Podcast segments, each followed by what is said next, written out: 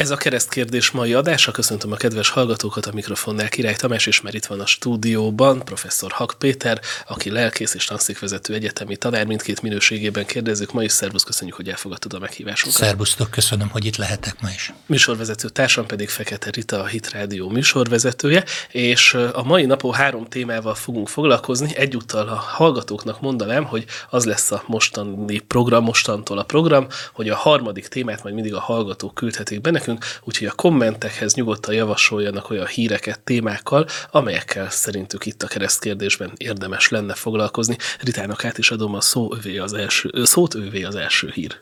Nagyon nagy szeretettel köszöntöm vendégünket is, és a hallgatókat is, és hát az első hírünk a magyar soros elnökséggel kapcsolatos.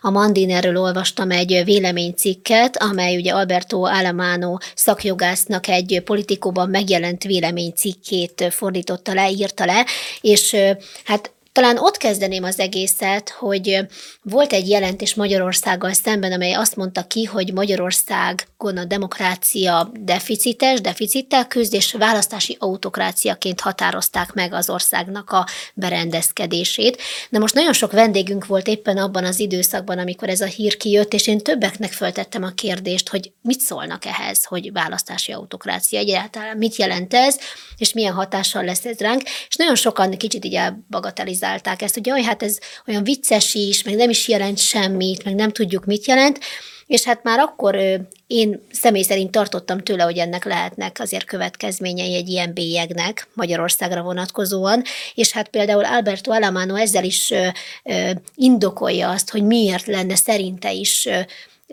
egy megelőző lépés az, hogy Magyarország elfoglalhassa ezt a soros elnökséget az Európai Parlamentben, és, és Európa Tanácsban. Euró, bocsánat, igen, az Európa Tanácsban, és mert hogy ez nem büntetés, hanem egy megelőző intézkedés. Igen, hát ugye maga az alapfelvetés valóban ez, és nem csak az általad említett szerző, hanem mások is veszegetik azt, hogy hogy az Európai, Európai Unió intézmény rendszerén belül ezt az úgynevezett rotációs elnökséget, ezt a Magyarország ne tölthesse be akkor, amikor rákerül a sor. Ugye véglegesen nyilván nem lehet kizárni, szerintük sem, mert ők bíznak bennük, hogy egy általuk kedvezőnek vagy szimpatikusnak tartott kormány majd alkalmas lesz arra, hogy ezt a feladatot betöltse. Ha, ha szabad, mivel feltételezem, hogy nem minden hallgatónk van teljes mértékben tisztában az Európai Unión belüli feladat megosztással, vagy a szervezeti rendszerrel.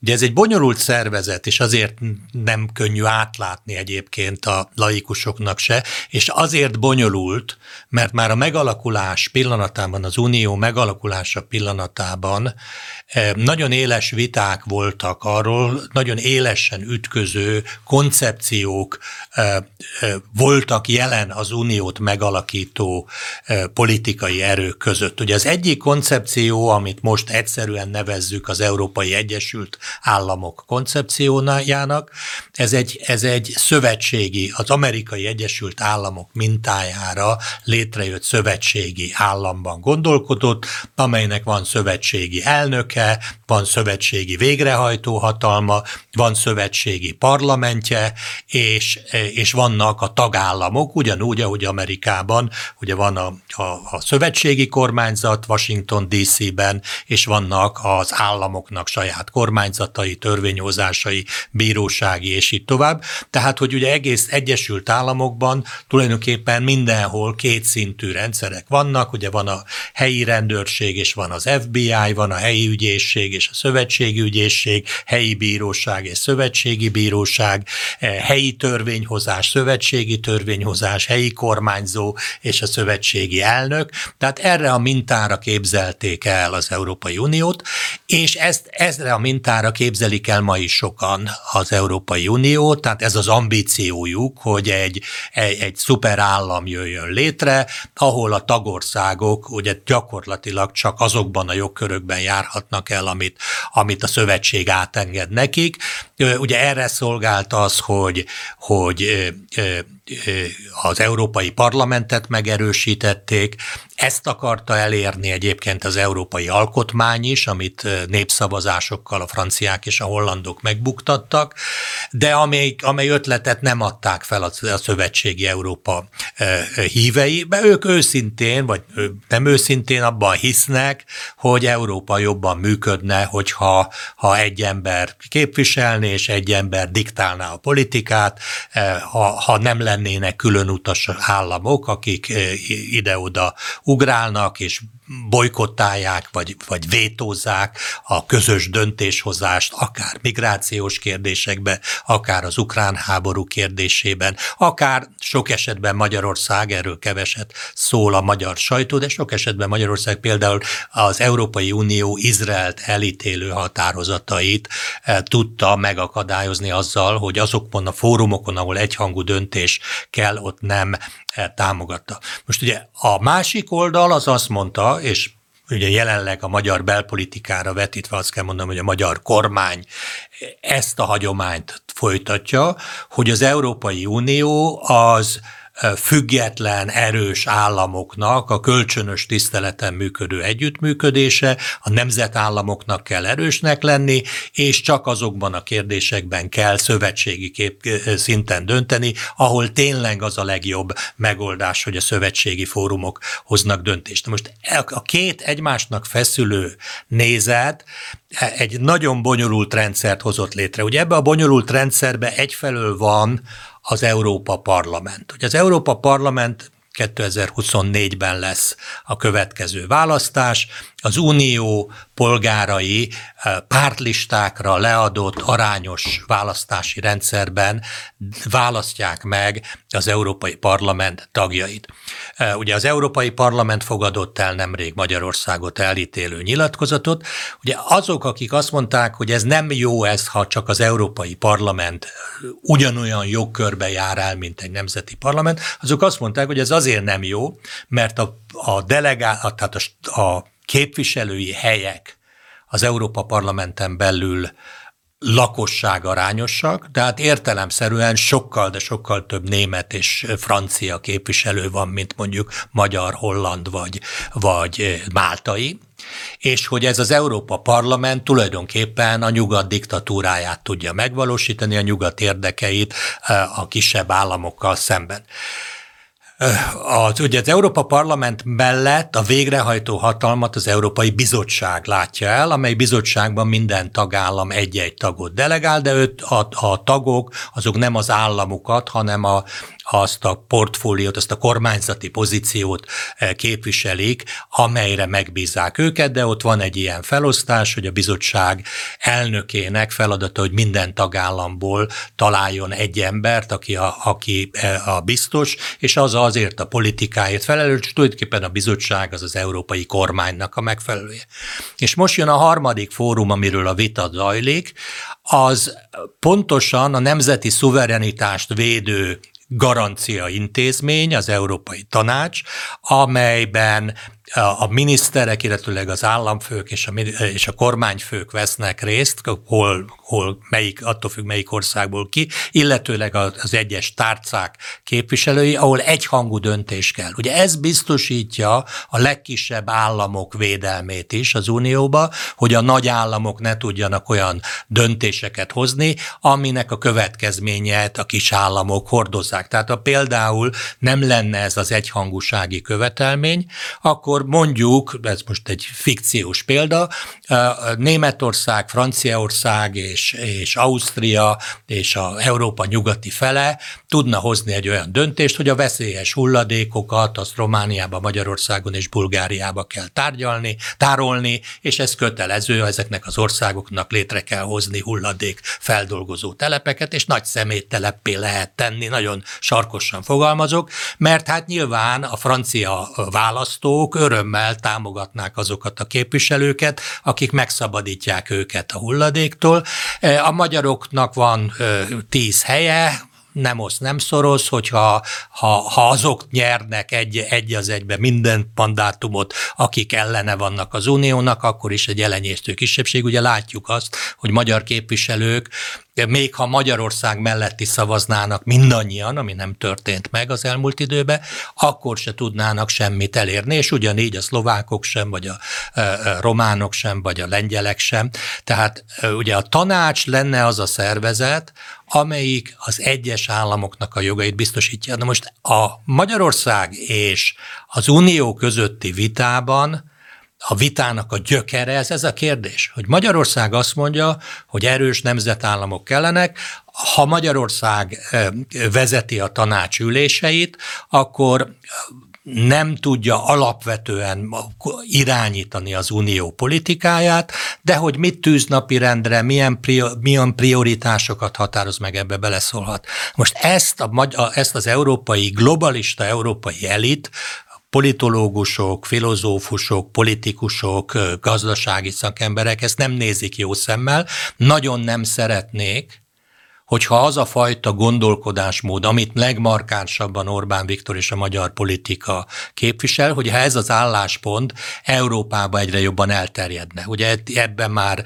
figyelmeztető volt számukra a Olaszországban a választási eredmény, ahol szintén az inkább szuverenista jobboldal nyert. Azt megoldották azt a kérdést azért. Azt megoldották azt a kérdést, hogy pacifikálták, tehát nem akarok megbántani senkit, de e, elérték azt, hogy, hogy, hogy nem a választási ígéretetnek megfelelő irányba megy jelenleg az olasz kormány, de azért ez változhat. E, ugye az elmúlt hetekben nagy pánik volt Németországban, hogy az AFD nagyon megerősödni látszik az időközi e, tartományi választásokon gond, pánik van. ez. is volt egy hír, hogy be is tilthatják akár az AFD-t. Igen, mert ugye ez egy másik törekvés, hogy akkor hozzunk olyan törvényeket, amik ezt a nézetet lehetetlenné tesszük. Ugye ez a, ez a modern felvilágosodás, hogy mindenkinek szabad azt mondani, amit szabad.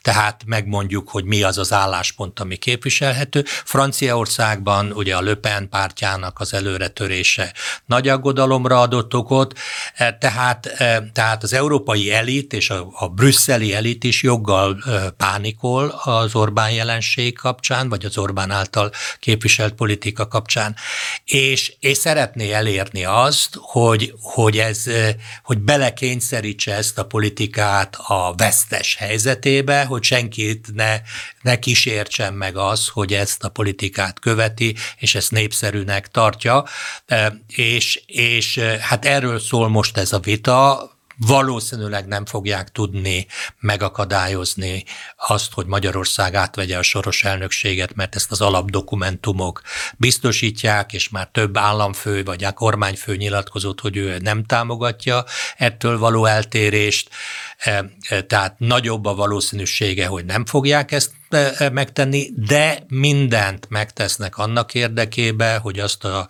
azt a megbélyegző ideológiai megbélyegző retorikát, amit a magyar kormányjal szemben folytatnak, azt továbbra is folytatják. Ugye, hogy most Magyarország választási autokrácia vagy sem, az egy nagyon nehéz vita. Ugye nyilvánvalóan a magyar kormánynak a legnagyobb problémája, vagy a magyar kormányjal Európa elitjének és az amerikai elitnek is a legnagyobb problémája, hogy nem áll be abba az irányba, amit ez az európai és amerikai elit, észak-atlant atlanti elit most egyedül üdvözítő útnak tart. És ugye ez, ez a műsor arról szól, hogy akkor nézzük a valóságot a Biblián keresztül. Ugye a Bibliában azt látjuk, hogy perspektívikusan az utolsó időkben egy, egy nagy egységes világrend jön létre, ugye az elmúlt napokban költözött el Istenhez Pat Robertson, aki, akinek történelmi szerepe volt abban, hogy ezt az egész gondolatot bedobja az amerikai közéletbe, és ezen keresztül mobilizálja az evangéliumi, a sokmilliós evangéliumi keresztény tábort. Ugye ő is megkapta a fasiszta bélyeget emiatt, amikor a, ugye az új világrend című könyvében még a 1980-as években ugye leírta azt a törekvést, hogy, hogy az utolsó időkben eh, hogyan, hogyan jön létre majd egy ilyen globalista, egységes eh, világrend, amit a jelenések könyvének proféciái, illetve gószövetségi proféciák is előre vetítenek. Tehát tulajdonképpen bibliai alapon egyfelől azt lehet mondani, hogy ez a globális világrendnek a kialakulása, ez ez nem megakadályozható, mert ez, ez, ez az, amit eh, az Isten igéje a jövőre vonatkozó proféciákba kijelent, de vissza lehet tartani. És kimaradni ki lehet belőle nemzeti szinten szerint? Eh, ugye ez egy érdekes dolog, hogy a globalizmusnak, mielőtt a, a konkrétan válaszoljuk a kérdésnek, a globalizmusnak az utolsó időkben két, két fő ö, ö, iránya van. Az, a globalizmus szolgálja az evangélium terjedése is hogy Jézus az utolsó időkre vonatkozó proféciájában, a Máté Evangélium 24. fejezetében az utolsó időkről kijelenti, hogy és ez az evangélium fog hirdetetni minden nemzetnek, tehát hogy az egész világot globálisan el fogja érni a Jézus Krisztus evangéliuma, örömhíre, az a tény, hogy megváltotta az emberiséget a bűneitől, és meg lehet szabadulni a bűn és a halál uralmalól. Tehát ez az evangélium evangélium el fog terjedni minden kultúrába, és ezt látjuk is. Száz évvel ezelőtt a világnak egy részén még nem volt ott, ma már mindenhova eljutott. Tehát ez az egyik globális folyamat, ami zajlik, hogy az evangélium egyre jobban elterjed, a Biblia alapján azt látjuk, hogy nem fog domináns helyzetbe kerülni ez az evangéliumi kereszténység a világon. Én régen mindig azt gondoltam, hogy majd hirdetetni fog az egész világon az evangélium, és tömegek fognak megtérni. Nekem régen ez, ez a kép volt a fejemben, és most, amikor a folyamatokat látjuk, inkább a hirdettetik, tehát mindenki értesül róla, de nem mindenki fogadja be, látszik rá. Igen, ugye ez egy nagyon népszerű, szintén a 80-as években az amerikai kereszténységben nagyon népszerű volt ez a királyság mostnak nevezett úgynevezett Kingdom Now eh, eh, eh, teológia, amely, amely ugye arra épített, hogy milyen nagyszerű, hogy egymás után megtérnek az emberek, akkor keresztények lesznek a polgármesterek, keresztények lesznek a miniszterek, államelnökök, és akkor a kereszténység uralkodik a világon, és akkor majd, amikor már minden pozíciót megszereztünk és megteremtettünk egy jó világot, akkor jön majd el a messiás, vagy akkor jön vissza Krisztus az egyházért, de ez teljesen ellentétben áll a Bibliával.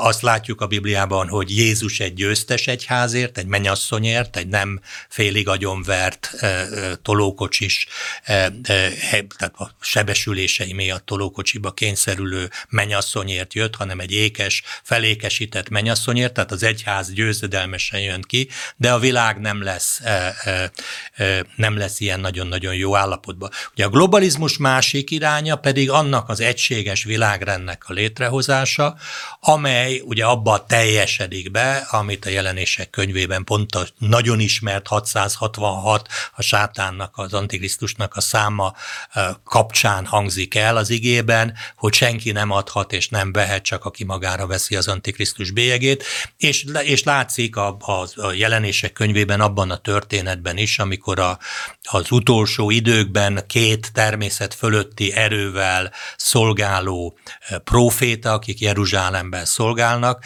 amikor őket az Antikrisztus megöli, és ki van terítve a holttestük Jeruzsálemben, teljesen egyértelműen mondja a Biblia, hogy abban a városban, ahol a mi urunkat megfeszítették, ez nem lehet más, csak Jeruzsálem, és az egész világ látja az ő testüket, akkor az egész világon egy nagyon nagy öröm, tehát egy globális örömünnep lesz, hogy akik kínoznak bennünket az igazsággal, azok végre megölettettek. Aztán utána ugye ez a két tanúbizonyság feltámad, felvitetik a mennyekbe, és akkor kezdődnek az utolsó időknek az eseményei. Tehát a két globalista folyamat egyszerre zajlik, az evangélium eljutása mindenkihez, és a másik egy egységes világrendnek, egy új világrendnek a létrehozása. Ugye Pet Robertsonnak mondom, nagyon nagy érdeme, hogy ezt bemutatta, talán érthetően, ugye ő, ő akkor az amerikai politikába aktívan részt vett, ennek a, az egységes világrendnek a létrehozásában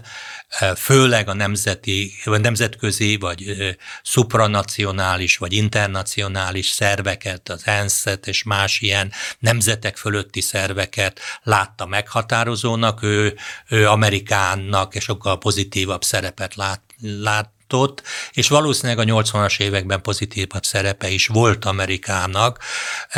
Most már nyilván az, legalábbis az amerikai baloldal az abszolút a, a, a nemzeti egységet, a nemzeti identitást felszámolni akaró a világra egységes ízlést, egységes kultúrát, egységes értékrendet akar rákényszeríteni gazdasági hatalommal, katonai hatalommal is, hogy mindenki szenvedjen, aki nem úgy, néz, nem úgy látja a dolgokat. Értékek ütközésében nem azt az értéket választja, amit a, amit a, a, a világpolitikában kijelölnek követendő értéknek. Tehát, tehát én azt látom, hogy Magyarország ezért nagyon nagy szálka. Kétségtelen, hogy a magyar politikában meghatározó személyek, Orbán Viktor is és Kövér László is, nyíltan azt mondják, hogy a demokráciának létezik egy másik másik modellje, mint amit a, amit a nyugati világ egyedül követhető útnak tart. Ugye a liberális demokráciának van egy alternatívája, ugye ezt nevezte Orbán Viktor annak idején tusványosan illiberális demokráciának, amire rácsapott az ellen, rácsaptak az ellenfelei, de a, ugye a lényeg az, hogy ő, ők nyíltan és Kövér László és Orbán Viktor is nyíltan is azt mondják, hogy szerintük a népakaratot nem kell korlátozni, tehát a fékek, ellensúlyok rendszere az nem olyan nagyon fontos érték. Egyszer megkérdeztem Orbán Viktor miniszterelnököt pár évvel ezelőtt, hogy nem érzi-e úgy, hogy a fékek és az ellensúlyok hiányoznak a magyar törvényhozásból, és erre az volt a válasz, hogy a parlamentet nem kell Nincs fékezni. Szükség, igen, igen. Meg is lepődtem ezen a igen, mondaton. Igen, igen, és Kövér Lászlóisnak is voltak ilyen nyilatkozatai, tehát ők őszintén azt gondolják, gondolják, azt hiszik, hogy, hogy a, a, ha jó uralkodik, akkor a jót nem kell korlátozni. És, és ők hát azt gondolják, hogy ők, ők a jók. Így van, így van. E, na most ezzel szemben, e, ugye Magyarország tagja az Európai Uniónak, és az Európai Unió kikényszerít bizonyos dolgokat, és ez, itt ebben a magyar kormány láthatóan úgy viselkedik, hogy, hogy minden centiméterért harcol, tehát ha enged valamit, akkor enged nem olyan lényeges kérdésekbe. Ugye nem régiben a bírósági reform tekintetében engedett, de örült annak, hogy az alkotmánybíróság kérdése nem került napirendre, hogy ott hogy történik a tagoknak a megválasztása. E, és örült annak, hogy nem várja el azt az Európai Unió vagy az Európai Bizottság, hogy, hogy ezeket az elveket visszamenőleges érvényesítsék, tehát azokra a, a kúria elnöke, illetőleg az Országos Bírói Tanács elnöke kapcsán. De a, a, azt kell látni, hogy ezekben a kérdésekben ugye mindenki ízlése szerint eldöntheti, hogy a magyar kormány vagy, az, vagy a nemzetközi elvekkel vagy gyakorlattal ért egyet. A leglényegesebb vitat kérdés az az, hogy, hogy hogy meg tud-e maradni a nemzeti szuverenitás, ami a Biblia alapján érték. Tehát a, az evangélium globális terjesztésének, ha útjában áll a nemzeti szuverenitás, akkor az nem pozitív, de ha a nemzeti szuverenitás a, az evangélium globális terjedését engedi, nem akadályozza, akkor a nemzeti szuverenitás az érték apostolok könyvében, az Atén, Pálapostól aténi beszédében hangzik el, hogy Isten jelölte ki a nemzeteknek a határait.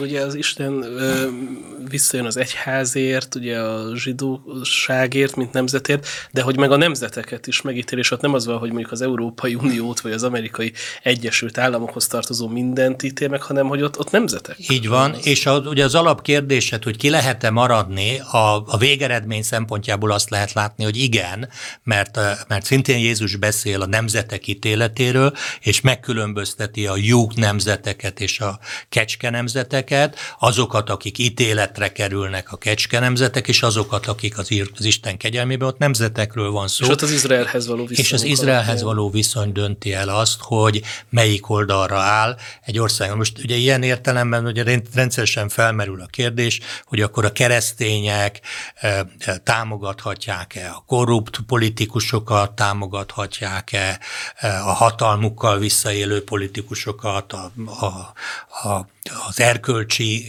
problémákkal vagy bűnökkel megterhelt politikusokat.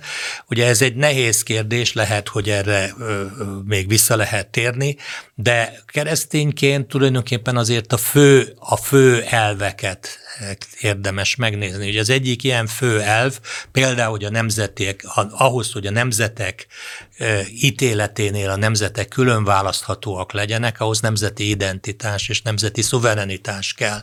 Tehát a nemzeti szuverenitás és a nemzeti identitás a Biblia alapján egy érték, és ennek az elvesztése az azt jelenti, hogy egy nemzet olyan bűnöknek is részévé válhat, amelyel egyébként a nemzet tagjai többségükben nem értenek egyet.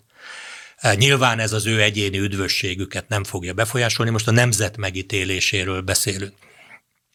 És, és, és ugye belekényszerülhetnek nemzetek értékválasztásokban.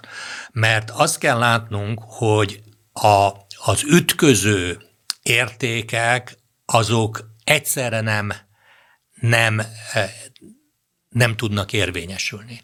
Tehát nem lehet egyszerre a magzati életet és a nő önrendelkezési jogát védeni. Nem lehet egyszerre a női sportolókat és a transgender férfi sportolókat e, e, támogatni. Valakinek valahol el kell dönteni, hogy amikor ütköznek, akkor melyiknek adnak e, előnyt. És a, a magyar alaptörvényben akkor, amikor beleírják azt, hogy keresztényi elvekkel, elevek alapján áll a magyar állam, akkor előre megígérik, hogy amikor ilyen ütközés van, akkor a tradicionális elveket tehát előnybe lévnek. A vók ideológia, illetőleg a, a, a a, a jelenlegi nyugat-európai, észak-amerikai progresszívok, azok azt mondják, hogy, hogy nem, ezekben a vitákban mindig az, az, az új generációs jogokat, vagy az új mutációkat kell támogatni, mert én azt gondolom, hogy például a genderjogok azok nem egy új generációs jog, az a, az, az egyenlő esélynek régi jogának egy mutációja, hogy, hogy most már nem csak születési nem, bőrszín, vallás alapján kell egyenlő esélyt adni, hanem a szexuális preferenciák és a, és a, a gender identitás alapján is egyenlő esélyt kell, de nem egyenlő esélyt adnak, hanem előnyben részesítik másokkal szemben. Tehát ez a, ez a vita folyik, és azt gondolom, hogy a következő években a magyar elnökség alatt is ez folyni fog, és, és foly, folyik a, az, a, folyni fog a, a magyar állammal és a magyar kormányjal szembeni éles kritika, elsősorban például ugye a, a, a határvédelem és a nemzeti eh, identitás megtartása. Most pont a kötelező migránskóták miatt ez újra. Pontosan így van, így van, eh, és ugye az egész Európai Unió valóban a nyílt, nyílt társadalom ideológiáját akarja rákényszeríteni azokra is, akik, akik nem akarnak nyílt társadalmat. Ugye teljesen látható, hogy az Európai Unió politikája általános szinten is kifejezetten idegenkedik a nemzeti identitások védelme érdekében, ugye a, a magyar nemzeti kisebbségeknek a jogait mindig hátra sorolják, ugye az ukrajnai ügyben is abszolút jelentéktelennek tartják azt a magyar álláspontot, hogy nem tudjuk támogatni addig Ukrajnát, amíg Ukrajna nem tartja be azokat az elveket, amiket, tő, amiket tőlünk számon kérnek a nemzeti kisebbségek védelmét. Szóval az Európai Unió számára és az európai politikus politikusok számára a nemzeti identitás az egy, az egy, az egy negatívum, tehát a, a, az, a, az a nácizmusnak az előszobája, és, és mindenkit megbélyegeznek, be akarnak tiltani, kiszorítani a, köz, a, a közéletből, elhallgattatni, és aki, aki a nemzeti alapon próbál megszólalni, és ezt mondom, ez a vita folytatódni fog. Biztos, hogy a, a 2024-es Európa parlamenti választás, az amerikai Egyesült Államok választása, és néhány nagy európai választás, ez megbillentheti ezt a mezőnyt, de amíg ez a parlamenti többség van az Európai Unióba, amíg az európai államok döntő többségében abszolút globalista jobboldali és baloldali politikusok vannak, addig Magyarország ilyen utóvét harcot folytat, és hát mondom, bibliai szempontból a, a lopás az bűn, a korrupció az bűn, és Isten ítéletet is fog ezeken tenni, de de de a nemzet felszámolása az, az nagyobb bűn, és például az emberi életnek a figyelmen kívül hagyása, a magzatok megölése tömegesen szintén e, egy bibliai értékrend szempontjából fontos kérdés. Szerinted, ha egy állami vezető a magánéletében követel bűnöket, ugye nagy kérdés, a korrupció az közügy vagy magánéleti bűn,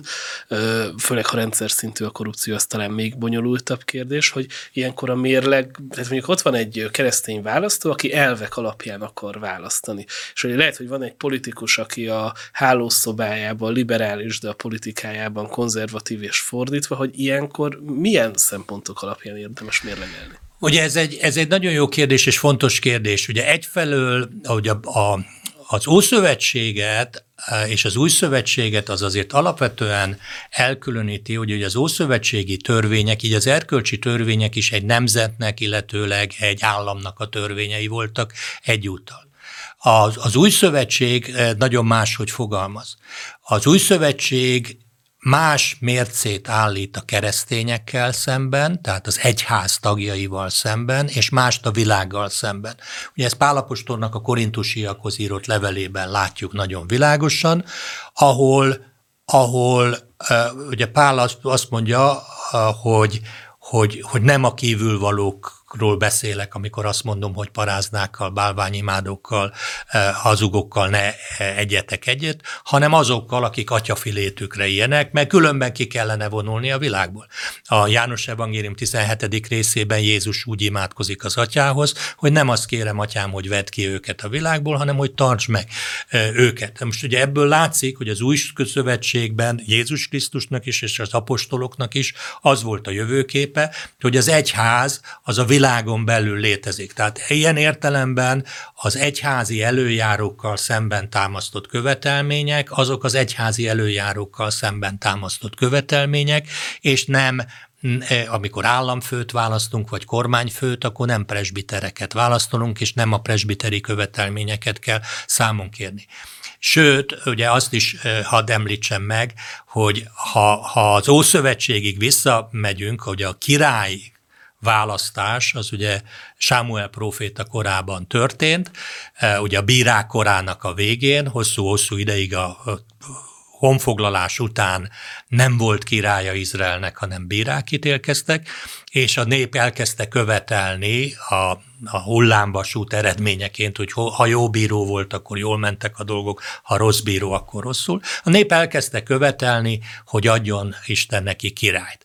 Ugye Sámuel ezen nagyon felháborodott, majd Isten azt mondta, hogy ne keseredjél el, nem téged utasítanak el, hanem engem. Én fogok nekik adni királyt, és utána elmondja, hogy a király mit fog csinálni. A király például azt mondja, hogy a király ez mindig korrupt lesz. Ez nem azt mondja, hogy jó a korrupció, de a király el fogja venni a vagyonotokat, és odaadja a szolgáinak, amit ma fogart fordíthatnánk úgy is, hogy a haverjainak. Tehát ez a királyság intézményének megalapításánál mondhatom így, ez már benne volt a pakliban. Ez nem azt jelenti, hogy jónak kell tartani, mit csinálnak, csak ezt, ezzel tisztába kell lenni, hogy az állam vezetésénél e, e, ezzel számolni kell. Aztán látni kell azt is, amit a Biblia mond, hogy Isten emel királyokat és dönt királyokat.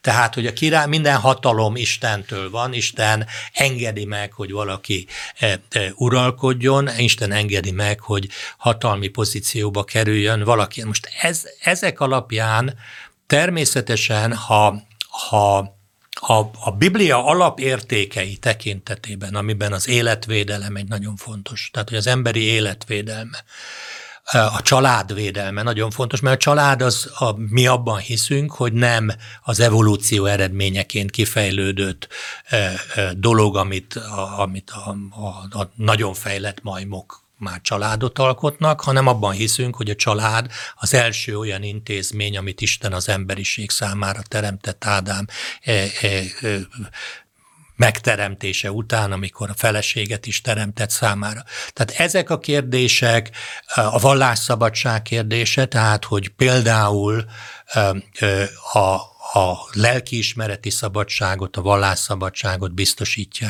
Az, hogy az állam hoz-e olyan törvényeket, ami a hívőket arra kényszeríti, hogy válasszanak, hogy vagy az állam törvényét, vagy, az vagy a Biblia törvényeit tartsuk meg. Ezek a döntő szempontok szerintem a kereszténynél.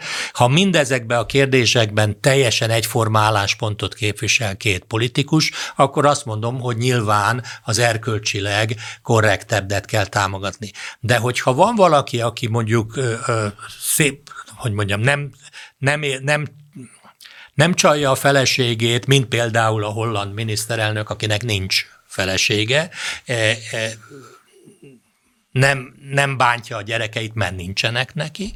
E, megint csak a holland miniszterelnököt, aki ugye aki 50 valahány éves elmúlt, és egy ilyen, ugye régen azt mondták, hogy aglegényként él. Tehát ilyen szempontból nem lehet kifogást emelni vele szemben de közben, közben eh, a, a bibliai, ezt most nem a holland miniszterelnökre mondom, hanem közben a bibliai értékekkel homlok egyenes politi- ellentétes politikát képvisel, mint például Amerikában támogatja azt, hogy a, hogy a kilencedik hónapig abortuszt el lehessen követni.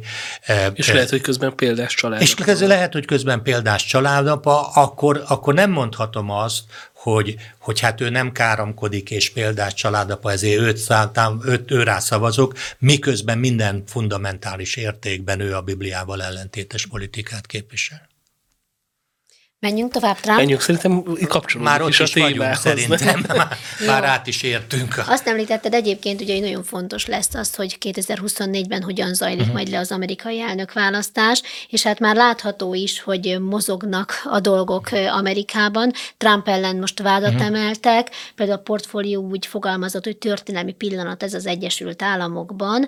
A szövetségi ügyészek 37 pontban emeltek vádat Trump ellen, azzal vádolva volt elnököt, hogy törvényt törvénytelenül kezelte az amerikai kormány legérzékenyebb nemzetbiztonsági titkait.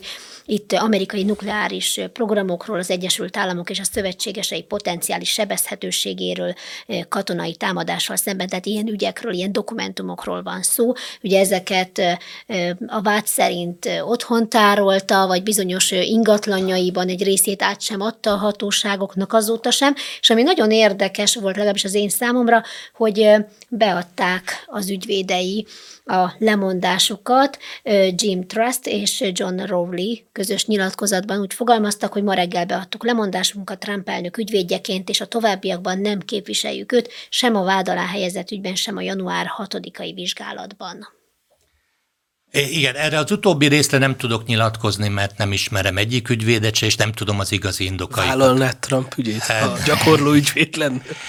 Ezt se tudom megnéz, megmondani, mert az akták ismerete nélkül szerintem nagyon nehéz ezt eldönteni. Ugye Trump, amióta feltűnt, az amerikai politikába azóta történelmet csinált. Ugye történelmet csinált akkor, amikor minden esély ellenére simán megnyerte a, a republikánus elnökjelölő kampányt, ugye mindenki bohócnak, outsidernek, amatőrnek, elefánta porcelánboltban figurának írta le őt.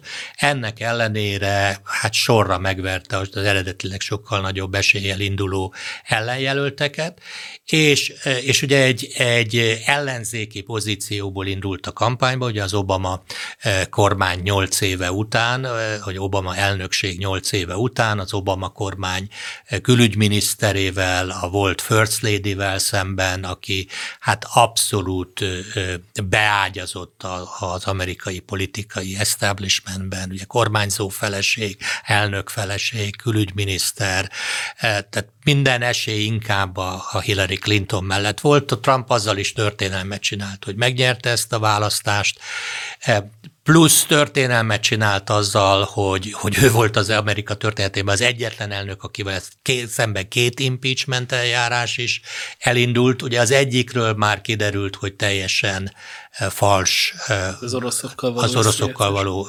összeállás, hogy ez, hogy ez egy teljesen mondva csinált ügy volt, Ugye amióta megszűnt az elnöklése, azzal is történelmet csinált, hogy, hogy úgy, úgy vesztette el a választásokat, hogy több millióval több szavazatot kapott négy év után, mint korábban. Amióta ugye megszűnt az elnöki mandátuma, azóta Ugye volt egy eljárás ellene, ahol évtizedekkel ezelőtti szexuális visszaéléssel vádolták, New York államban vádat emeltek vele szemben, mert a, a cégének a könyveléseiben nem korrektül könyvelt bizonyos pénzeszközöket. Ugye most vádat emeltek, vagy vádat készülnek emelni vele szemben ebben a, a titkos adatok nem megfelelő kezelése, igazságszolgáltatás akadályozása és más ügyekben. Még folyamatban van a, a, a január 6-ai ügyek, hogy ő ott uszította az embereket a, fel, a lázadásra, vagy sem. Tehát még a választások még egy év múlva lesznek, de már több vád indult vele szemben. És ugye ilyen értelemben azt lehet látni, hogy Trump abszolút nonkonform politikus, nem, nem azokban, tehát nem azon a pályán jutott el a csúcsig, mint mindenki más, aki most szerepel, a Biden-től kezdve, Biden évtizedekig kongresszusi képviselő, szenátor, alelnök volt, tehát nem ezeken a pályákon indult, hanem üzletemberként került be, tényleg elefánt a porcelánboltba. Én egyszerűen nem tudom felfogni, hogy mit akart ezekkel az iratokkal, tehát miért vitte haza. Biztos, hogy nem ő pakolta be a csomagtartóba, hogy hát ez is jó lesz valamire, hanem valamiért ezeket elvitte. Ha ezek tényleg ott voltak, és tényleg azt tartalmazták, akkor ez valószínűleg bűncselekmény. Eh, Ezt egy bagatelügynek tartod egyébként? Ugye mivel nem tudom, hogy mik voltak az iratok, és mit csinált vele egyáltalán, akkor bagatelügy. Ugye abban... te is voltál képviselő, gondolom papírt láttál te Igen. is életedben, Igen. hogy ez nem, egy, nem tűnik egy komoly ügynek. Nem, nem tűnik egy komoly ügynek. Ugye több szempontból sem tűnik komoly ügynek. Ugye komoly ügy akkor lenne, hogyha ha azt tudnánk bizonyítani, hogy ő felvette külföldi, Amerikával ellenséges külföldi hatalmakkal a kapcsolatot, és nekük biztosított ilyen ügyeket, tehát hogy ő kémkedett, vagy, vagy Amerika ellenségeit segítette. Itt arról van szó, hogy ő hazavitt bizonyos iratokat, ugye a fényképeken látszik, hogy ezek a nagy stószokban az, a, a kastélyának az egyik fürdőszobájában nyilván használaton kívüli fördőszobába fel vannak stócolva ilyen nagy dobozok, Ugye a probléma az, hogy, hogy egyébként Biden elnöknél is találtak Delaware-ben az otthonában ilyen papírokat, és Pence korábbi alelnöknél is találtak, és ugye korábban Hillary Clintonnak volt egy ügye, ugye a Bengázi ügyel kapcsolatban, ahol több ezer e-mailt semmisítettek meg. Tehát hát, ott effektív... környezetvédő módon Hát ugye őt, ők effektíven kalapáccsal vertek szét okostelefonokat, és tették, mit, savval öntötték le, elégették. Szóval kifejezetten céltidatosan eh, semmisítettek meg adatokat, és egyik ügyből se lett semmi. Most én azt gondolom, hogy jogi értelemben valószínűleg ezek a vádak megállnak, politikai értelemben például a legutóbbi vádemelés, és úgy tűnik, hogy ez a most is inkább segíti Trumpot, mint, mint akadályozza.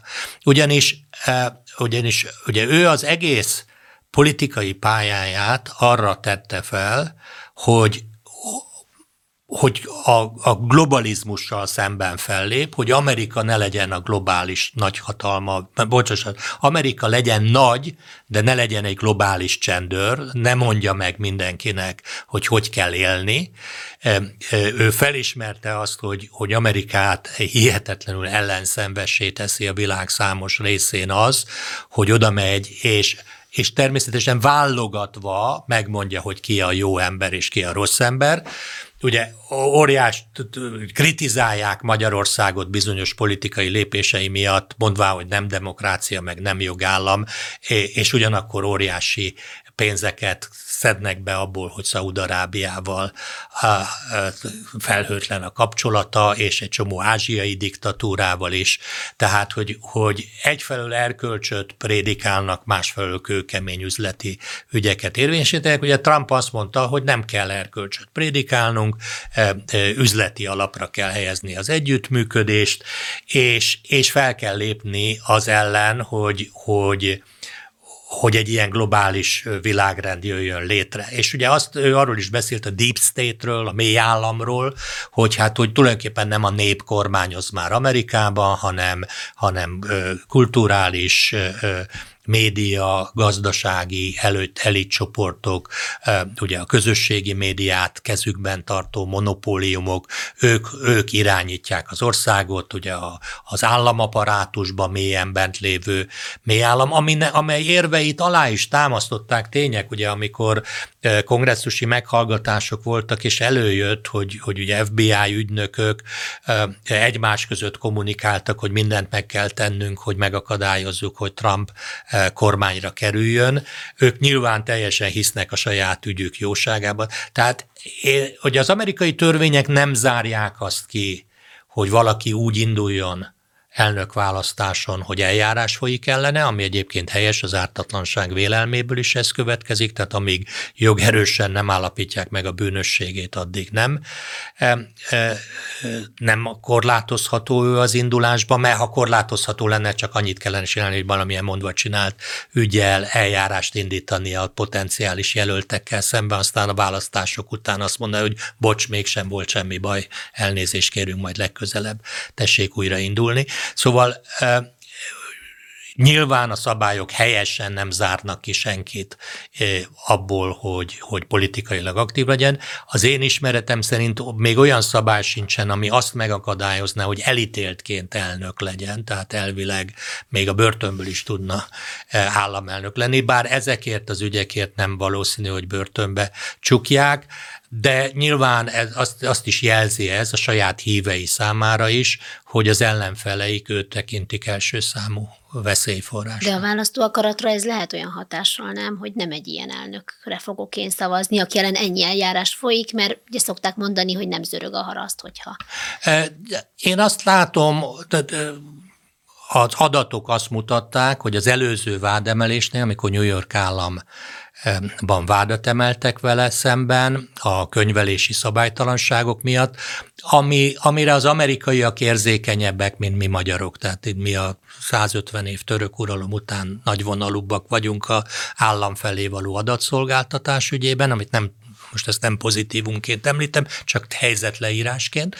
És ugye az derült ki, hogy hirtelen a vádemelés után a, bevét, a, kampányának a bevételei megugrottak, és a, és a támogatóinak a száma, tehát a közvéleménykutatás azt mutatta, hogy többen szavaznak rá, mert, mert tulajdonképpen ezek az eljárások, az ő eredeti politikai üzenetét alátámasztják. Tehát azt támasztják alá, hogy van itt egy network, van itt egy hálózat, ami mélyen átitatja a, a bürokráciát, az igazságszolgáltatást, az FBI-t, a szövetségi ügyészségeket, és így tovább, és hogy ő ezt a mocsarat ki akarja szivattyúzni, és ebben akadályozák. És akik, akik vevők erre vagy akik, nem rossz kifejezés a vevő, mert az pejoratív, tehát akik, akik, eh, akik úgy érzik, hogy ez, amit a Trump mond, ez, ez reális, és ez az ő élettapasztalatokat alátámasztja, az annál inkább támogatják.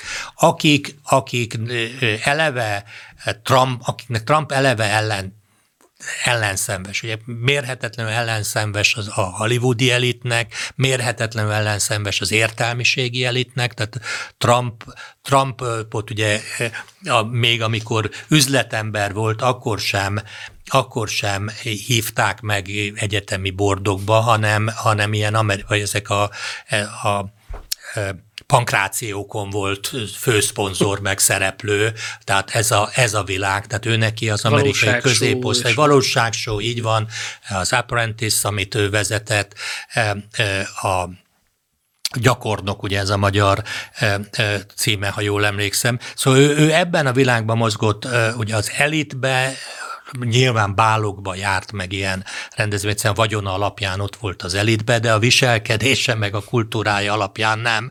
E, tehát ő nem, nem, nem ugye Obamát ez az elit imádta, e, Hillary-t is nagyon-nagyon szeretik, e, a Biden-t azért szeretik, mert, mert, mert hogy legyőzte Trumpot, tehát ugye ez az, ez az amiért szereteted, de, de Trump az kilóg ebből, és a nagy kérdés az, hogy az amerikai választók melyik oldalon állnak többségükbe. És ugye ez az, amit, ez az, amit egyébként a, az Orbán kormányjal szemben is nagyon nehezen emészt meg az európai elit.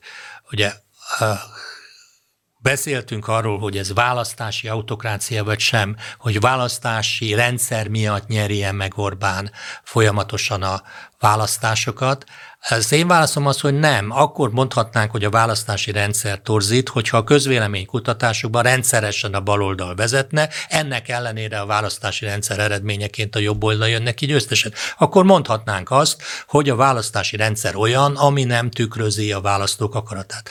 De a választást megelőző közvéleménykutatások döntő többsége az azt a választási, választói támogatást mutatta 2010-ben, 14-ben, 18-ban, 22-ben, ami utána meg, megvalósult, lehet, hogy 2-3 százalék eltérés volt, de egyetlen olyan év se volt, hogy az ellenzék vezetett több százalékkal, és utána több tíz százalékkal lemaradt. Ez ki lehet jelenteni, hogy nincs tömegében kormányváltó hangulat Magyarországon. Most ugye pont időközi választások Igen. voltak, az is ezt mutat. Így van, tehát úgy tűnik, ez nem kell ezt szeretni, de úgy tűnik, hogy a magyar lakosság lát problémákat, de ezeket kevésbé tartja súlyosnak, ez nem mozgósítja arra, hogy ellene szavazó.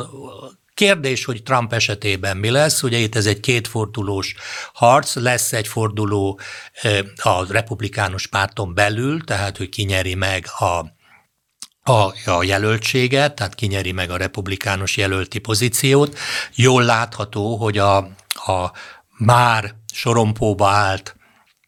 Republikánus jelöltek nem támadnak rá ebben az ügyben Trumpra, tehát nagyon visszafogott nyilatkozatokat tettek, mert, mert azt látják, ugye, hogy két eredménye lehet a dolognak, vagy Trump nyer, és akkor ők nem, nem jó, hogyha ők nagyon nagy ellenségek lesznek, vagy Trump kiesik a harcból, de a Trump szavazói azok, azokra fognak szavazni, akikre, akik nem aragítják meg őket a menetbe. Tehát ez egy nagyon érzékeny küzdelem, de az, az előző vádemelés, és a, talán a mostaninál is a friss adatok úgy azt sugalják, hogy ez inkább segít a Trumpnak, inkább az ő narratíváját erősíti, hogy már volt nyilvános gyűlés, ugye Georgiában azt hiszem, és talán Észak-Karolinában a vádemelés után, és nagy tömegek voltak, és, és le úgy nézett ki, hogy nem, nem rendíti meg a, a, a saját elkötelezett bázisát. A bizonytalanok fognak dönteni, hogy a bizonytalanok hogy reagálnak erre.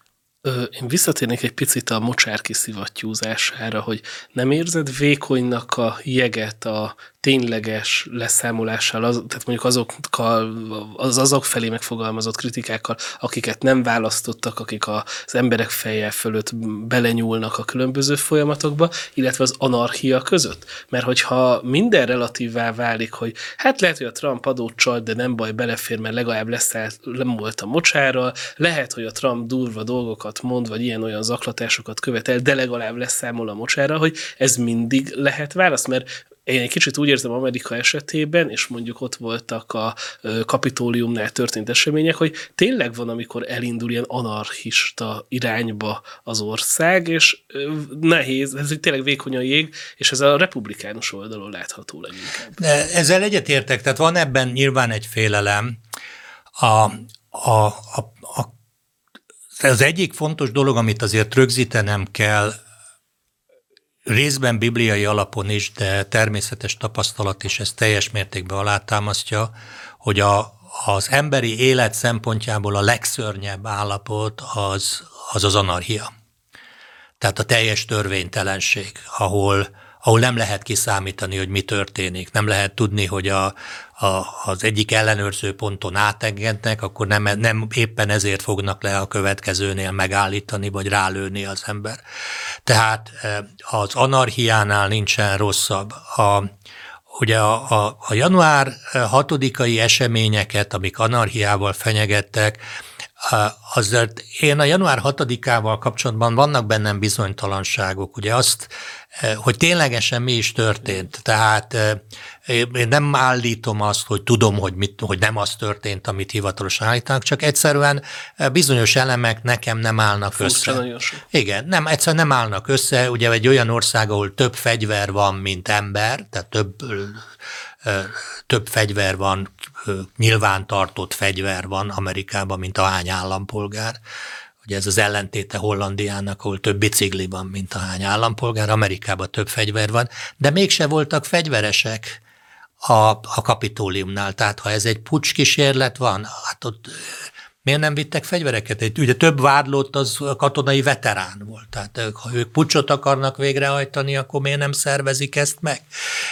Kétségtelenül tragikus halálesetek történtek, de, de maguk a halálesetek körülményei sem teljesen tiszták, és a, ugye az egy, egyik haláleset az pont egy, pont egy, egy katonai veterán nő, aki fegyvertelenül volt, és akit a biztonságiak lőttek le, és nem világos a felvételek alapján, hogy ennek mi volt az indoka. Lehet, hogy előtte történt valami. Szóval, tehát én ebben nagyon óvatos vagyok, és, és az, a, az a benyomásom, hogy a, a döntő kérdés az amerikai társadalomban, hogy az emberek hétköznapi tapasztalatát a, a Trump által megfogalmazott narratíva mennyire támasztja alá. És, és azok az ügyek, amik most a, a, a, a falvakban, városokban zajlanak, hogy kötelező beengedni szexuális felvilágosítást kisgyereknek, kötelező olyan könyveket e, tananyaggá tenni, amivel a konzervatív szülők nem értenek egyet, ezek inkább mobilizálják a Trump melletti embereket, és inkább azt érzik, hogy, hogy egyszerűen egy ideológiai terror folyik ellenünk.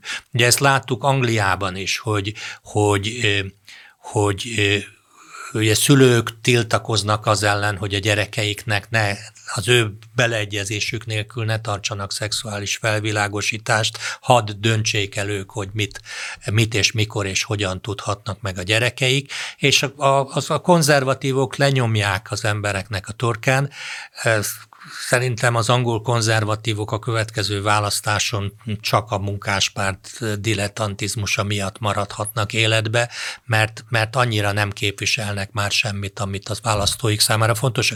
De a Trump nagyon sok választó számára fontos ügyeket eh, képvisel. Ugye a, a fegyvertartást itt Európában egyszerűen nem értjük. De, de például amikor kitört a Covid járvány, akkor az amerikaiaknál a fegyvereladás óriásira nőtt. Mert az átlag amerikai azt mondta, hogy ha itt ez a járvány tényleg olyan súlyos, aminek, amit mondanak, és tömegesen megbetegszenek az egészségügyi dolgozók, ápolók, orvosok, nem tudják ellátni az embereket, a mentő tisztek meghalnak, a rendőrök és a katonák meghalnak, akkor ki fogja megvédeni a családomat? És ez az amerikai, ezt az európaiak nem értik, mert az európaiak hagyományosan Majd az abban gondolkodnak, hogy az állam véd meg bennünket. Ezért van az állam, és olyan nem lehet, hogy az állam ne védjen meg bennünket. És az amerikai alapító atyák azok az elnyomó államokból menekültek, és az a történelmi tapasztalatuk volt, hogy az állam erőszakjával szemben, az állami önkényel szemben is lehetőséget kell adni, hogy megvédjem magamat, a családomat, eh, meg az általam fontos érték értékeket. Tehát szerintem ez a, ez a küzdelem, ez 2014-ig zajlik, és majd meglátjuk. Én azt sejtem, hogy még lesznek vádemelések Trumpal szemben, és majd meglátjuk, hogy, hogy ez hogyan hat a választókra. És akkor végezetül még egy témát hoztunk, ez pedig már egy kicsit spirituálisabb téma, de társadalmi összefüggésekkel foglalkozik pont az Egyesült Államokban. Egy új tanulmány szerint az apák hiánya és a házasságok összeomlása lehet a két legfőbb magyarázat arra, hogy miért csökken a keresztények száma az Egyesült Államokban. Ebből egyébként az derül ki, hogy 2000 óta 31 kal 1970 óta pedig 61 kal csökkent a házasságkötési arány, míg a mai 30 év alatti felnőttek kevesebb, mint fele nőtt fel olyan otthonban, ahol a szülők házasok voltak.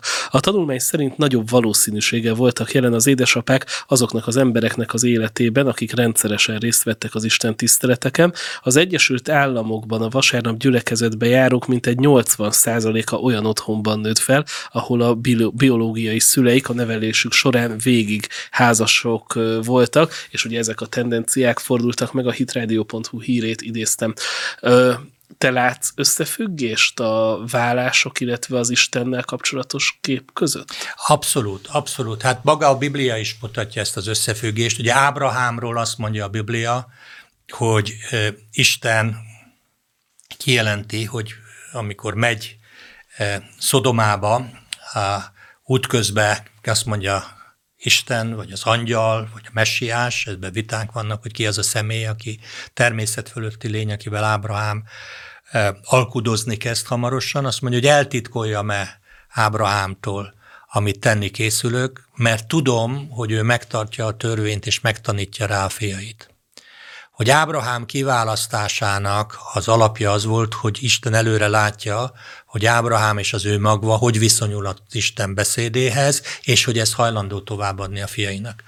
Mózes ötödik könyvében lehet látni, hogy, hogy a fő azt mondja, a nagy parancsolat az, hogy halljad Izrael az Úr, te Istened egy Úr, ne legyenek neked idegen isteneid, stb szóljad ezeket az igéket, amikor az otthonodban ülsz, amikor úton jársz. Tehát a, az igének, a, a törvénynek a megtanítása, és az új szövetségben is a, a gyermeknek a, az erkölcsi nevelése az nem az állam feladata, nem az óvodának, nem az iskolának, nem az egyetemnek kell a gyerekeket erkölcsre tanítani, hanem ez az a szülők feladata. Ugye az új szövetségben azt látjuk, hogy Jézus a mindenhatót atyaként jelenti ki. És szol, lelkészként szolgálva, ugye hosszú évek óta látom azt, hogy az evangélium nagy üzenete az embernek, hogy térjél meg, keresztelkedjél meg, szülessé újjá, és akkor Isten gyermeke leszel, és Istenhez úgy fordulhatsz, mint atyához. És amikor ezt azt mondjuk, akkor azt gondoljuk, hogy egy nagyon jó dolgot mondunk, és sokaknak, sokaknál ez egyáltalán nem egy, egy örömhír, mert amikor az apára gondol, akkor, akkor ő, az apa nála az, a rossz családba felnőttök, aki, aki addig jó, amíg nincs otthon, ha jön, ha hazaér, akkor menekülni kell mindenkinek, ha hazaér, akkor ő terrorizál bennünket is, meg az anyánkat is, eh, hogyha össze-vissza hazudozik, és csak rosszat kapok tőle. És eh, ugye én a prédikációkban is, meg a Szent Pál Akadémián tanítva, és azt mondom, hogy a szülőknek óriási, az atyáknak, az atyáknak elsősorban, óriási felelősségük van abban, hogy a gyermekeik milyen atyaképpel nőnek fel. Ha az apa az, aki amikor hazajön, akkor megnyugszanak a dolgok, akkor végre van, aki segít anyukának békét teremteni, aki igazságot szolgáltat, aki, aki visszarakja a babának a fejét, meg az autónak a keretkét, aki megoldja a dolgokat, akivel le lehet ülni, beszélni, akinek el lehet mondani a dolgainkat. Az a gyerek, aki abban nő fel, hogy az apjával állandóan tud beszélgetni, annak az ima élete egészen más lesz, mert tudja, hogy amikor a természetes apa nincs ott, akkor is a mennyei atyához lehet fordulni.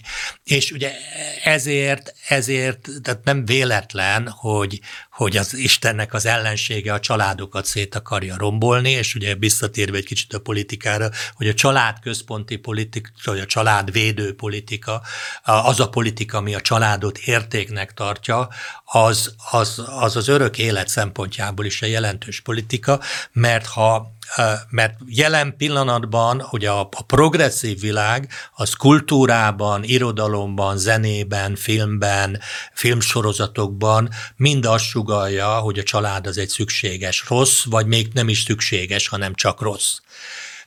És, és sokkal nagyobb boldogság van akkor, hogyha valaki elhagyja a családját, és abból a kötelékből, meg bilincsekből kiszabadul, amiben a konzervatív felfogás belekényszeríti. Ezzel szemben viszont az, em- az embereknek az élettapasztalata az, hogy az atyák tudnak e, támaszt nyújtani, az atyák tudnak, tudom, hogy ez egy patriarchális gondolat, de ez nem azt jelenti, hogy az atyák felsőbbrendűek, ez azt jelenti, hogy az atyáknak sokkal nagyobb felelősségük van abban, hogy a család együtt maradjon, a, a statisztikák azért azt mutatják, hogy nem a nők hűtlensége okozza a válaszok döntő többségét, hanem a férfiaké.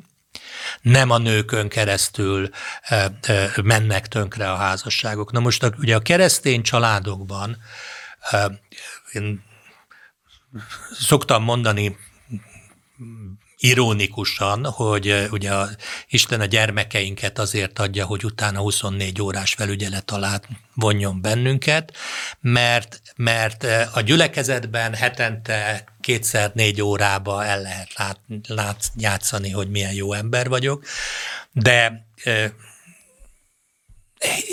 heti hét napban, napi 24 órában a gyerekek előtt ott hitelesen kell képviselni a kereszténységet. Tehát ott látszik az, hogy, hogy azok a gyerekek stabilak az úrban, akiknek a szüleik is stabilak, és azok a gyerekek küzdenek nagyon-nagyon komoly identitásválsággal, akik látják, hogy a szüleik ott vannak a gyülekezetbe, dicsérik Istent, olvassák a Bibliát, imádkoznak, és otthon pedig homlok egyenest ellentétesen cselekszenek. Ezt látjuk az ifi szolgálatokba, hogy a legtöbb meghasonlás ezen a területen van, a, a tinédzser korosztályban. Ugye abban a pillanatban persze kapnak egy másik impulzust is, a, a Netflix filmeken, az HBO és az összes többi ilyen streaming csatornán, ami, a, ami az emberi életnek a központi részévé nem, nem a hűséget, nem az engedelmességet, nem az atyák iránti tiszteletet, hanem a szabadság, a szerelem, amely szerelemnek az erotikus részét hangsúlyozzák, tehát nem a szövetségi szeretetet, hanem a, a, a boldogságnak a kulcsa az erotikus élmények szerzése, vagy a szexuális élvezetnek a keresése, és mindent igazol az, hogyha valaki szexuálisan megelégedett, mindegy, hogy hanyadik felesége van, mindegy, hogy pány gyereket hagyott. Ugye éppen a legutóbbi beszélgetésünkben, amikor a hegymászók tragédiájáról beszéltünk, tudom, hogy felhördülést váltott ki, de, de ezt vállalom is, hogy, hogy igenis, egyszerűen nem kérik számon az atyáktól azt a felelősséget, amit, amit a teremtés rendje rájuk ruházott. És egyértelmű, most is azt mondom, a, a szülők, a szülők nem csak a saját üdvösségükkel, hanem a gyerekeik üdvösségével is játszanak. Ugye az a szülő, aki, aki kettős életet él, az a gyerekét is e, képmutatásra, a gyerek modellkövető, tehát képmutatás mintáját adja a számukra. E, modellkövető, ő maga is képmutató lesz, és aztán mivel nem tudja a lelkiismeretét olyan könnyen elfolytani, mint egy felnőtt ember, tinédzserkorban ez egy óriási válságot hoz benne létre, hogy én is képmutató vagyok, a szüleim is képmutatók, eh, vesszük az úrvacsorát, de otthon üvöltözés van, tányérdobálás, eh, eh, olyan filmeket néz az apám, amiket nem kellene nézni, és amikről prédikáció volt, hogy ne csináljuk, pont azt csinálják este. És aztán utána ez ugye még tovább jön akkor, amikor ott is hagyják a családjukat, elhagyják ugye Sajnos a keresztények között is lehet látni, hogy ilyen 50-60 év között lecserélik a házastársukat egy 20 évvel fiatalabbra, mert ezt sugalja a világ, és, és a probléma az, hogy, hogy ugye ebbe a gyerekek, ebbe a gyerekek nagyon súlyosan megsérülnek. Én 36 éve szolgálok emberek felé, egyetlen egy olyan esetet nem láttam, hogy elvált szülők gyermeke sérülés nélkül megúszta volna. De mindig azt mondják, ó, mi szépen váltunk el. Szerintem ilyen nincs. Van, van csúnya és még csúnyább válás. E, de a gyerekek, lehet, hogy nem mindegyikük lesz drogos, lehet, hogy nem mindegyiküknek lesz testgépzavara, lehet, hogy nem mindegyikük lesz bűnöző, de hogy a lelkükben e, iszonyú sérüléseket szenvednek a vállások következtébe, és ezzel teljesen megtörik a bizalmuk nem csak a szülők felé, hanem az Isten felé is. Beszéltél a férfiak felelősségéről, és hát nőként akkor hagyj kérdezzem meg, hogy a nőknek mi a felelőssége ebben a helyzetben, hogyan lehet jó házasságot fenntartani, és hangsúlyozom, nem saját tapasztalat miatt kérdezem, hanem egyáltalán én azt látom a környezetemben, illetve tágabb értelemben is, hogy nagyon sokszor ez a, ez a korszellem a nőkre is hat, és, és nehezen látják már el azt a feladatot, ami így az otthonnal, a családdal kapcsolatos, tehát ez az összetartó funkció, mint hogyha sérülne vagy gyengülne. Hát ugye a következő két órában ezt röviden összefoglal. Tehát, de nem, ez egy nagyon-nagyon-nagyon nagy téma. Ugye azért is nagyon nagy téma, mert, mert ugye látszik, hogy a, ugye a, a világ megpróbálja a keresztény családmodellt és abban a nő szerepet ilyen rabszolgasági állapotként bemutatni. Ugye szinte minden e, e, progresszívok által szervezett tüntetésen megjelennek ezek a piros-fehér ruhás, a szolgáló meséje című filmnek, ami ugye súlykol, súlykolja be az emberekbe, hogy a Biblia az ugye nomorba, szolgasságba, rabságba készíti a, kényszeríti a nőket. Ugye ezzel szemben, ha valaki elolvassa a példabeszédek könyvének a végén a derékasszony dicséretét, abban világosan lát, látható, hogy a bibliai női szerep az nem háztartási alkalmazotti szerep, az nem, nem hogy mondjam, egy szexuális segédeszközi szerep, bocsánat, hogy ezt mondom, a, a, a bibliai női szerep az egy nagyon kreatív szerep, önálló döntésekkel, megbecsült, megbecsült szerep, így van, de de e, ugye a szövetségen belül e, tud e, az ember igazán kibontakozni a, a női szerepben. És, és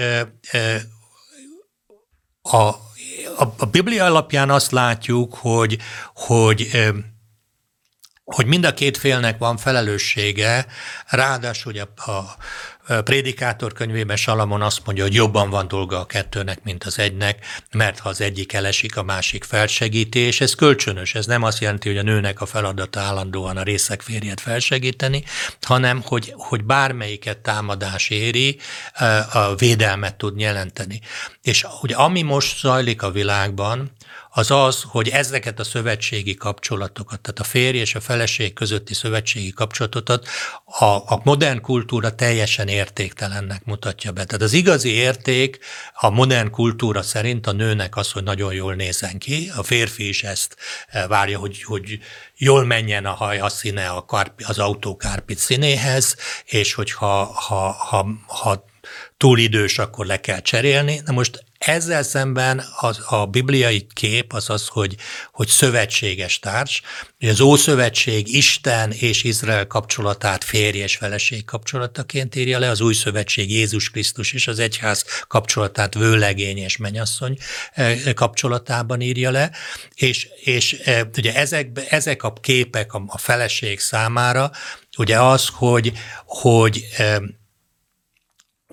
hogy kibontakoztatni azokat a talentumokat, amik benne vannak. Ez akkor egy nő is csinálhat karriert. Abszolút csinálhat karriert, és tele, hogy ne csinálhatna karriert. E, megjegyzem egyébként e, e, a nyilvánvalóan annak következtében, hogy a nők szülnek, a karrier lehetőségeik hátrányosak egyszerűen azért, mert, mert azok az évek, amíg a gyermekkel vannak, azok az évek kiesnek, tehát az, az nem működik. Tehát ebben a tekintetben nem lehet azt mondani, hogy egyenlő pályák, egyenlő esélyek, mert...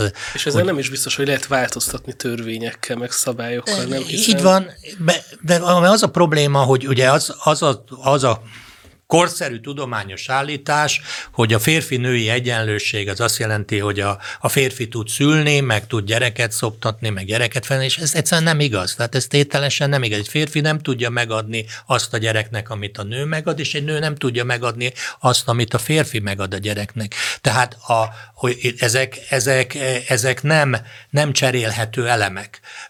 A, a, én szoktam mondani, hogy a, a, azt mondja az ige, hogy ketten lesznek egyé, de ez nem úgy lesz egyé, mint amikor, amikor e, e, két e, két félbevágott dolgot összerakunk, hanem olyan, mint amikor a félbe törtet. Tehát az egyik az csak a másikhoz tud igazodni, nem lehet szabadon cserélgetni a feleket. És ez a, ebben jön létre egy olyan egység, am, ahol a feleségben megvan az, ami a férből hiányzik, és a férben megvan az, ami a feleségből hiányzik. Ugye ezért követnek el nagy hibát azok, akik a saját képükre akarják formálni a házastársukat, mert a házasság az nem klónozás. A házasság az arról szól, hogy ami belőlem hiányzik, az végre megkapom a másikban. A, amiben én gyenge vagyok, abban az, az benne van a másikban. És, és ilyen értelemben a, a férj és a feleség szövetséges társak, segítő társak. Hát ezt mondja a Biblia, hogy szerzek neki segítő társat, hozzáillő, de ez egy kölcsönös segítő társág. A férfi, férfinek, a, a férfiről úgy beszél a Biblia, mint a napról, és a feleségről, mint a holdról. A holdnak a fénye a napfényétől függ. A feleség boldogtalansága az mindig a férfinek a felelőssége. A csillagok a gyerekek akkor És a csillagok a gyerekek akkor még inkább így van. Tehát a, a férnek a, a, a Ószövetségben első évben nem mehetett katonának a férj, mert az a feladat, hogy vidámítsa az ő feleségét. Ugye nyilván a mai világban azzal hitetik el az embereket, hogy az a vonzó személy, aki sok kapcsolatot tud teremteni. Szerintem az a vonzó személy, aki sokáig tud érdekes maradni, tehát aki 40 év után is érdekes még, mert az, akik ezek a 40 perces kapcsolatok a, a, a társkeresőkön, az 40 percig érdekes az az ember, de abból senki nem tud épülni. És hát ilyen értelemben én, én ebben konzervatív vagyok, szerintem a házasságnál a cél, hogy, szép, hogy meg tudjunk tudni szépen öregedni együtt. Ez a mai végszó egy személyes dolog, hogy egyébként talán a Ritának a munkássága az egy nagyon jó, jó példa, példa lehet, van. ugye gyermekes édesanyaként, azért itt a rádióban is nagyon sikeres tud lenni, majd egyszer kifaggatjuk, hogy hogy csinálja, öt fiú gyermek édesanyaként. Igen, az még külön nehezített pálya, igen. Igen, igen de hogy, hogy, hogy, hogy vannak jó Abszolút, példák, nagyon sok jó példa van, nagyon-nagyon sok jó példa van, nagyon jó sok. De az a, az a hamis beállítás, és ezt én helyi gyülekezetben mindig mondom a fiataloknak, hogy az a beállítás, hogy az ember vagy, vagy karrier csinál, vagy magánéletet. Tehát vagy sikeres családjában, vagy sikeres a karrierjében. És ugye még van a keresztények között, hogy vagy világi karrier, vagy az, egy, az Istennek a szolgálata. Én nagyon-nagyon sok embert ismerek, a Ritát is beleértve, akik egyszerre tudnak nagyszerű keresztények lenni, nagyszerű családanyák, feleségek, és, és nagyon jó szakemberek a saját területeken nagyon sok ilyet is meg a helyi gyülekezetekben. E, nem szabad elfogadni a lányoknak azt, hogy nekem választanom kell. E, azt kell csinálni, amire van elhívása az embernek, amihez van ereje, és, és nem szabad olyan szerepbe belemenni, ami erőn felül való, tehát amire nincs elhívás egy embernek, de a feleségeknek e, az Isten ígérete az, hogy boldog vagy, és jól van dolgod, és ha mellettbe végig gondolod, ezt a persze a férneknek mondja a Zsoltáros, de mind a kettőre igaz, ha végig gondolod, hogy annál több az ember életében nem kell, mint hogy boldog vagy, és jól van dolgod. Ebben a két fogalomban benne van minden, amiért érdemes élni. Ezt kívánjuk a kedves hallgatóknak is. Hak Péter, köszönjük szépen. Én is köszönöm. Búcsúzunk már a műsorvezető társam Fekete Rita nevében is köszönjük a figyelmüket, és várjuk a témajavaslatokat a kommentek között. Két hét múlva újra jelentkezik majd a keresztkérdés, viszontlátásra, viszont hallásra.